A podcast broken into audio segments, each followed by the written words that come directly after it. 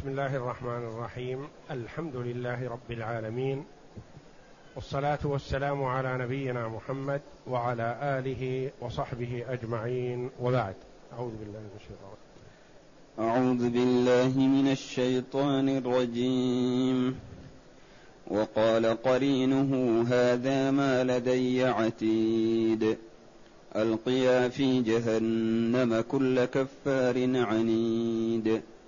مناع للخير معتد مريب. الذي جعل مع الله إلها آخر فألقياه في العذاب الشديد. قال قرينه ربنا ما أطغيته ولكن كان في ضلال بعيد. قال لا تختصموا لدي وقد قدمت إليكم بالوعيد. ما يبدل القول لدي وما أنا بظلام للعبيد. هذه الآيات الكريمة من سورة قاف جاءت بعد قوله جل وعلا وجاءت سكرة الموت بالحق ذلك ما كنت منه تحيد. ونفخ في الصور ذلك يوم الوعيد وجاءت كل نفس معها سائق وشهيد. لقد كنت في غفلة من هذا فكشفنا عنك غطاءك فكشفنا عنك غطاءك فبصرك اليوم حديد. وقال قرينه هذا ما لدي عتيد. الآيات. لما ذكر جل وعلا نهاية الإنسان وموته بمجيء سكرة الموت عقب ذلك بذكر النفخ في الصور للبعث. وأنه ليس بينهما شيء بالنسبة للإنسان لأن من مات فقد قامت قيامته. قال جل وعلا مبينا لحاله لحال الإنسان بعد البعث. وقال قرينه هذا ما لدي عتيد. قرينه من الملائكة. الموكل بحفظه وحفظ عمله وتقدم في الآيات قبله وجاءت كل نفس معها سائق وشهيد. اثنان. وقال هنا وقال قرينه هذا ما لدي عتيد. واحد. إذا كان المراد الكافر فنعم قرينه واحد لأن كاتب معه كاتب السيئات ليس له حسنات تكتب وتحفظ. وإذا كان المراد كل إنسان فالمراد بالقرين الجنس يعني يشمل الواحد والاثنين. قرينه يعني الذي معه. وقال قرينه هذا ما لدي ما يصح أن تكون موصولة؟ يعني بمعنى الذي هذا الذي لدي. عتيد بمعنى حاضر. ويصح أن تكون نكرة. موصوفة. هذا ما لدي هذا الذي لدي أو هذا الشيء الذي وكل إلي. عتيد بمعنى حاضر جاهز موجود مكتمل المراد. كل شيء موجود. ما هناك شيء مفقود. هذا ما لدي عتيد. حسناته محفوظة مسجلة. وسيئاته محفوظة مسجلة. إن كان له حسنات الذي هو المؤمن. وأما الكافر فليس له حسنات في الآخرة. إن كان له حسنات في الدنيا فهو يجازى بها في الدنيا. يجازى بها في الدنيا بالصحة والعافية والمال والجاه ونحو ذلك من أمور الدنيا ولا يبقى له حسنة في الآخرة. هذا ما لدي عتيد. عند ذلك يقول الله جل وعلا ألقيا في جهنم كل كفار عنيد. ألقيا اثنين. قيل المراد السائق والشهيد القرنان اللذان معه. يقول الله جل وعلا لهما ألقيا في جهنم. وقيل المراد الخطاب لملكين من خزنة النار. يأمرهم الله جل وعلا بأن يلقي هذا في النار. لما اقترف في الدنيا. وقيل المراد القيا النون هذه نون التوكيد الخفيفة. وحذفت وأبدلت منها الألف ألقيا. وليست هذه الألف ألف تثنية وإنما هي ألف بدل من نون التوكيد الخفيفة. وقيل الألف هذه للتثنية والمراد تثنية الفعل وأقام تثنية الفعل مقام تثنية الفاعل والفعل مؤكد مكرر مرتين. ألقي ألقي. قال بهذا بعض المفسرين. فكرر الفعل وتكرير الفعل تثنية له. قالوا تثنية الفعل بمنزلة تثنية الفاعل فجاء بالألف بدل تكرير الفعل ألقي ألقي وقيل هو خطاب لواحد ولكن العرب كثير ما تخاطب الواحد بلفظ التثنية. وقال الخليل والأخفش هذا كلام العرب الصحيح أن يخاطب الواحد بلفظ الاثنين. يقول أرحلاها وازجراها وخذاها وأطلقاه وأطلقاه للواحد. قال الفراء العرب تقول للواحد قوما عنا. وأصل ذلك أن أدنى أعوان الرجل في إبله وغنمه ورفقته في سفره اثنان. فكأن العربي تعود على مخاطبة الاثنين باستمرار. لو ما معه إلا شخص واحد يخاطب الاثنين. والقرآن نزل بلغة العرب. فجرى كلام الرجل للواحد على ذلك ومنه قولهم في الشعر خليلي. كثيرا ما يقول الشاعر مثلا خليلي وهو واحد. يأتي بلفظ التثنية. ألقيا في جهنم مأوى الكافرين.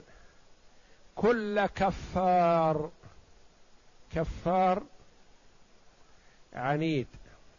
قال المؤلف رحمه الله المفسر وكثير من المفسرين كفار للنعم حتى يشمل الفاسق من المسلمين إذا أمر الله جل وعلا بإلقائه في النار ليطهر منها إذا لم يعفو الله عنه لأن النار يدخلها صنفان صنف خالد مخلد فيها وهو المشرك. والله جل وعلا يقول إن الله لا يغفر أن يشرك به ويغفر ما دون ذلك لمن يشاء. فالمشرك مآله النار وهو خالد مخلد فيها. الصنف الثاني الفاسق من المسلمين مرتكب الكبائر الواقع في المحرمات التارك للواجبات. هذا الذي قال عنه علماء السلف تحت المشيئة. إن شاء الله غفر له من أول وهلة بفضل توحيده وأدخله الجنة. وإن شاء جل وعلا عذبه في النار لما اقترف من الكبائر وترك من الواجبات ثم يخرج منها. لا يخلد المسلم الموحد لا يخلد في النار. كل كفار كفار للنعم يعني يكفر النعمة ليشمل الكافر حقيقة كفر أكبر وكفار النعم الذي يكفر النعمة نعمة الله جل وعلا وإن كان مسلم. كما سمى النبي صلى الله عليه وسلم النساء قال تكفرن العشير يعني تكفر نعمة الزوج. والكفر كفران كفر مخرج من الملة وهو الشرك بالله وكفر غير مخرج من الملة وهو كفر النعمة. كل كفار عنيد صفته العناد. يعني كفره مبني على عناد وعدم مبالاة وجرأة على المعصية. لا أنه واقع في المخالفات لجهله أو لعدم بصيرته وإنما هو معاند. وهذا أشد. كل كفار عنيد. مناع للخير. لا يصدر منه خير. لا يصدر منه هو بنفسه. ويحاول أن يمنع الآخرين من فعل الخير. فصفته في منع الخير صفة مبالغة. يعني انتهى في هذه الصفة إلى أعلى حد والعياذ بالله. هو لا يحصل منه خير ويحاول أن يمنع الآخرين من فعل الخير. مناع للخير معتد. المعتدي هو المتجاوز للحد. وذكر جل وعلا المعتدي بجوار المناع. والمعتدي قد يكون متجاوز الحد في الإسراف في النفقة والبذخ والبذل في معصية الله والعياذ بالله. لو طلب منه ريال في طاعة الله امتنع وبخل وإذا طلب منه الآلاف في معصية الله بذلها بسخاء فهو معتد متجاوز للحد في أفعاله. إن أنفق في معصية الله بذل كثيرا. وإن طلب منه شيء في طاعة الله امتنع وبخل. مناع للخير معتد مريب. واقع في الريب. في الشك. وقد يكون مريب بالنسبة لغيره. يعني غيره يرتاب فيه كحال كثير من المنافقين يتشكك فيه المرء والمسلم. هل هذا مسلم؟ له ما للمسلمين وعليه ما عليهم أم هو كافر؟ محل ريب وشك. إن تكلم مع المسلمين فما أحسن كلامه. وكأنه من أفضل الدعاة إلى الله. وإن خلا مع شياطينه فهو من أخبث الناس. فلذا المسلم يرتاب فيه يسمع منه الخير مع المسلمين ويسمع منه الشر مع غيرهم. فهو مرتاب في نفسه مريب لغيره. ما صفته؟ الذي جعل مع الله إلها آخر. هذا عبد مع الله غيره وهذا أكبر ذنب وهو أظلم الظلم. أكبر الكبائر الشرك بالله لأنه الشرك بالله سمي أظلم الظلم لأنه تجرؤ وسلب لحق الله جل وعلا وإعطائه مخلوق. يعني سلب حق المخلوق لمخلوق آخر ظلم. وأظلم منه وأشد سلب حق الله جل وعلا لمخلوق. كما قال الله جل وعلا عن لقمان الحكيم في وصيته لابنه يا بني لا تشرك بالله إن الشرك لظلم عظيم. فهو أظلم الظلم وأشد أنواع الظلم الوقوع في الشرك بالله. الذي جعل مع الله إلها آخر فألقياه في العذاب الشديد كحكم التثنية السابقة كما سبق. ألقياه في العذاب الشديد في شدة العذاب وعذاب جهنم يتفاوت. جهنم فظيعة وعذابها شديد لكن المعذبون فيها يختلفون. كما سئل النبي صلى الله عليه وسلم عن عمه أبي طالب مات على الكفر وعلى الشرك مات على ملة عبد المطلب. فسئل النبي صلى الله عليه وسلم هل نفعته بشيء؟ قال هو أخف أهل النار عذابا. له شراكان من نار يغلي منهما دماغه والعياذ بالله. يعني ما في عذاب النار هين لكن بعضه افظع من بعض أشد.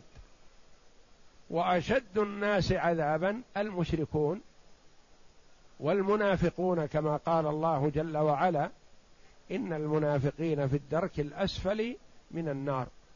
الذي يتظاهر للمسلمين بأنه منهم فإذا خلا مع الكفار أظهر لهم المودة والمحبة وكراهية المسلمين وحرض الكفار على المسلمين إلى غير ذلك من شماتته وإظهاره العدى للمسلمين. يقول تعالى مخبرا عن الملك مخبرا عن الملك الموكل بعمل ابن آدم إنه يشهد عليه يوم القيامة بما فعل ويقول هذا ما لدي عتيد. أي معتمد محضر بلا زيادة ولا نقصان. وقال مجاهد هذا كلام الملك السائق. يقول ابن آدم الذي وكلتني به قد احضرته وقد اختار ابن جرير أنه يعم السائق والشهيد وله اتجاه وقوة. فعند ذلك يحكم الله تعالى في الخليقة بالعدل. يعني ليس المراد إحضار الشخص فقط وإنما إحضار الشخص مع عمله مع سجله. نعم. وعند ذا فعند ذلك يحكم الله تعالى في الخليقة بالعدل فيقول ألقيا في جهنم كل كفار عنيد وقد اختلف النحاة في قوله ألقيا فقال بعضهم هي لغة لبعض العرب يخاطبون المفرد بالتثنية كما روي عن الحجاج أنه كان يقول يا حرسي اضربا عنقه. ومما أنشد ابن جرير على هذه قول الشاعر فإن تزجراني يا ابن عفان أنزجر وإن تتركاني أحم عرضا ممنعا. فأتى بلفظ التثنية والمراد يخاطب ابن عفان. نعم. وقيل بل هي نون التأكيد سهلت إلى الألف وهذا بعيد. يعني القيا فحذفت النون وصارت القيا نعم. وهذا بعيد لأن هذا إنما يكون في الوقف والظاهر أنها مخاطبة مع السائق والشهيد فالسائق يعني حال الوقف أما في حال الدرج فنادر أن يوضع الألف بدل النون. يقال ألقيان ألقيان عند الوقف عليها. أما إذا درج فلا يقول ألقيان في العذاب الشديد. القيا في جهنم وإنما يقال القيا فالسائق أحضره إلى عرسة الحساب فلما أدى الشهيد عليه أمرهم الله تعالى بإلقائه في نار جهنم وبئس المصير. القيا في جهنم كل كفار عنيد أي كثير الكفر والتكذيب بالحق.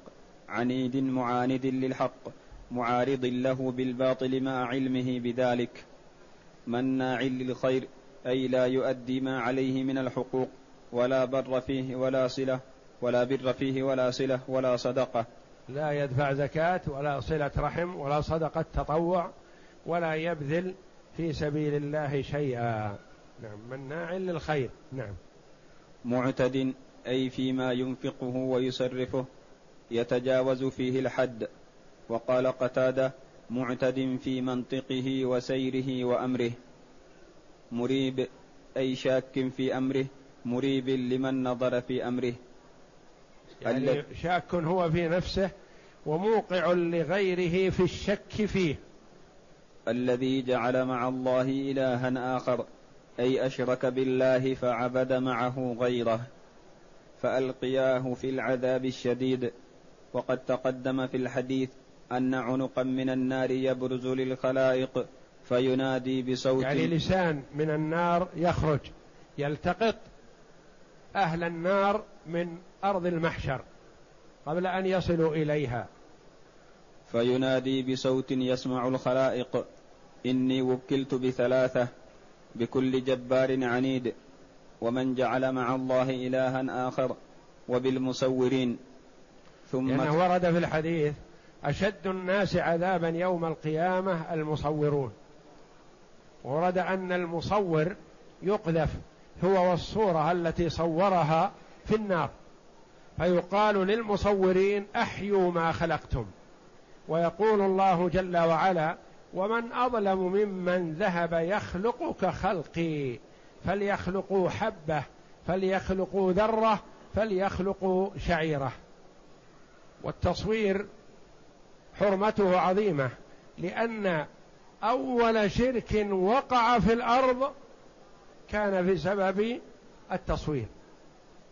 فلذا حذر منه النبي صلى الله عليه وسلم وشدد في ذلك عليه الصلاة والسلام. ثم تنطوي عليهم. قال الإمام أحمد رحمه يعني الله. يعني يلتقطهم هذا اللسان الذي يخرج من النار يلتقط من وكل بالتقاطه وهو يتكلم بلسان يسمعه الخلائق. قال الإمام أحمد رحمه الله حدثنا معاوية هو ابن هشام قال حدثنا شيبان عن فراس عن عطية عن أبي سعيد الخدري رضي الله عنه عن النبي صلى الله عليه وسلم أنه قال يخرج عنق من النار يتكلم يقول وكلت اليوم بثلاثة بكل جبار عنيد. ومن جعل مع الله إلها آخر ومن قتل نفسا بغير نفس فتنطوي. هذه الرواية الحديث الثاني ذا هذاك الثالث المصور وهنا الثالث من قتل نفسا بغير نفس. لأنه كما قال الله جل وعلا ومن يقتل مؤمنا متعمدا فجزاؤه جهنم خالدا فيها وغضب الله عليه ولعنه وأعد له عذابا عظيما. فتنطوي عليهم فتقذفهم في غمرات جهنم. قال قرينه قال ابن عباس رضي الله عنهما ومجاهد قال قرينه ربنا ما أطغيته ولكن كان في ضلال بعيد. هذا القرين من الشياطين المسلط على ابن آدم لأن مع كل إنسان قرين من الشياطين وقرين من الملائكة. فإذا أراد الله جل وعلا بعبده خيرا جعله ينصاع مع قرينه من الملائكة لأنه لا يأمره إلا بالخير. وإذا أراد الله جل وعلا بعبده شرا جعله ينصاع مع قرينه من الشياطين ويستجيب له ويسير في هواه. فعند ذلك يأتي قرينه من من الشياطين حينما يرى مصير هذا الرجل يقول ما هذا مني؟ وما أضللته لكنه هو ضال. هو مجرم هو شقي. كأنه يقول هذا لأن المجرم الضال يقول هذا بإضلال الشيطان. يحاول أن يتبرأ من فعله ويقول هذا بتسويل الشيطان بإملائه بكذا بإغوائه إياي. فيقول الشيطان قرينه من من الشياطين ربنا ما أطغيته. ما كنت أنا المطغي له وإنما هو نفسه. طاغي واستجاب لي. هو شقي وأنا أمرته وأطاعني. ما تعرضت لعبادك الصالحين. وإنما هو هذا مجرم شقي واتبع ما أقول فأمليت عليه. قال قرينه ما أطغيته ولكن كان في ضلال بعيد. هو الذي كان في ضلال وشقاوة وبعد عن الخير. حينئذ يقول الله جل وعلا قال الله تعالى لا تختصموا لدي. اليوم ليس مجال خصام اليوم يوم جزاء. يوم عقاب لأمثالكم. وجزاء حسن للمؤمنين. أما الخصام بينكم هذا في الدنيا لو أن الآدمي ابتعد عن الشيطان وما قبل منه سلم لكنه استجاب له. وأما الآن فلا خصام. قال الله لا تختصموا لدي وقد قدمت إليكم بالوعيد. حصلت النذارة والتخويف والبيان جاءتكم في الكتب المنزلة من السماء وعلى ألسنة الرسل ومن سلك مسلكهم من العلماء الصالحين الدعاة إلى الله على بصيرة. جاءكم البيان والبلاغ لكن ما قبلتم. وقد قدمت إليكم بالوعيد. ما يبدل القول لدي اليوم ما يبدل القول ولا يغير لأن الله جل وعلا توعد الكافر بأنه لا يغفر له. إن الله لا يغفر أن يشرك به ويغفر ما دون ذلك لمن يشاء. أبدا.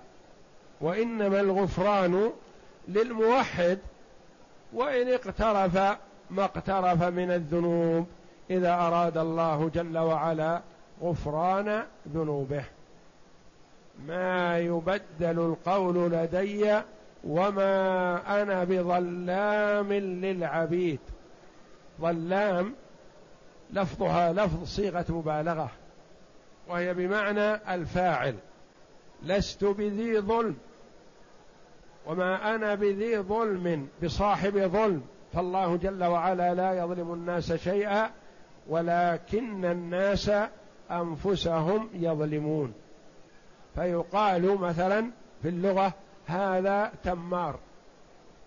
يعني يشتغل بالتمر يعني صاحب تمر. ويراد به بائع التمر تمار. يؤتى بلفظ المبالغة والمراد اسم الفاعل الذي هو تامر أو ذي تمر يعني صاحب تمر. وما أنا بظلام للعبيد فالله جل وعلا لا يظلم العباد لا يجازي بالسيئة إلا بقدرها. وأما الحسنة فيضاعفها لمن يشاء. الحسنة مضاعفة والسيئة لا تضاعف لأن مضاعفة الحسنة كرم وجود والله جل وعلا ذو الكرم وذو الجود. ومضاعفة السيئة ظلم. والله جل وعلا منزه عن الظلم. من جاء بالحسنة فله عشر أمثالها. ومن جاء بالسيئة فلا يجزى إلا مثلها وهم لا يظلمون. قال قرينه قال ابن عباس رضي الله عنهما ومجاهد وقتادة وغيرهم رحمهم الله هو الشيطان الذي وكل به. ربنا ما أطغيته أي يقول عن الإنسان الذي قد أوفى القيامة كافرا يتبرأ منه شيطانه فيقول ربنا ما أطغيته أي ما أضللته ولكن كان في ضلال بعيد. أي بل كان هو في نفسه ضالا قابلا للباطل معاندا للحق كما أخبر سبحانه وتعالى في الآية الأخرى في قوله وقال الشيطان لما قضي الأمر إن الله وعدكم وعد الحق ووعدتكم فأخلفتكم وما كان لي عليكم من سلطان إلا أن دعوتكم فاستجبتم لي فلا تلوموني ولوموا أنفسكم. ما أنا بمصرخكم وما, ولا وما أنتم بمصرخي. إني كفرت بما أشركتمون من قبل. إن الظالمين لهم عذاب أليم. وقوله تبارك وتعالى قال لا تختصموا لدي. يقول الرب عز وجل للإنسي وقرينه من الجن وذلك أنهما يختصمان بين يدي الحق تعالى. فيقول الإنسي يا رب هذا أضلني عن الذكر بعد إذ جاءني ويقول الشيطان ربنا ما أطغيته ولكن كان في ضلال بعيد أي عن منهج الحق. فيقول الرب عز وجل لهما لا تختصموا لدي أي عندي. وقد قدمت إليكم بالوعيد أي قد أعذرت إليكم على ألسنة الرسل وأنزلت الكتب وقامت عليكم حجج. والبينات والبراهين. ما يبدل القول لدي قال مجاهد يعني قد قضيت ما أنا قاض وما أنا بظلام للعبيد. أي لست أعذب أحدا إلا بذنبه بعد قيام الحجة عليه. والله أعلم. وصلى الله وسلم وبارك على عبده ورسول نبينا محمد وعلى آله وصحبه أجمعين.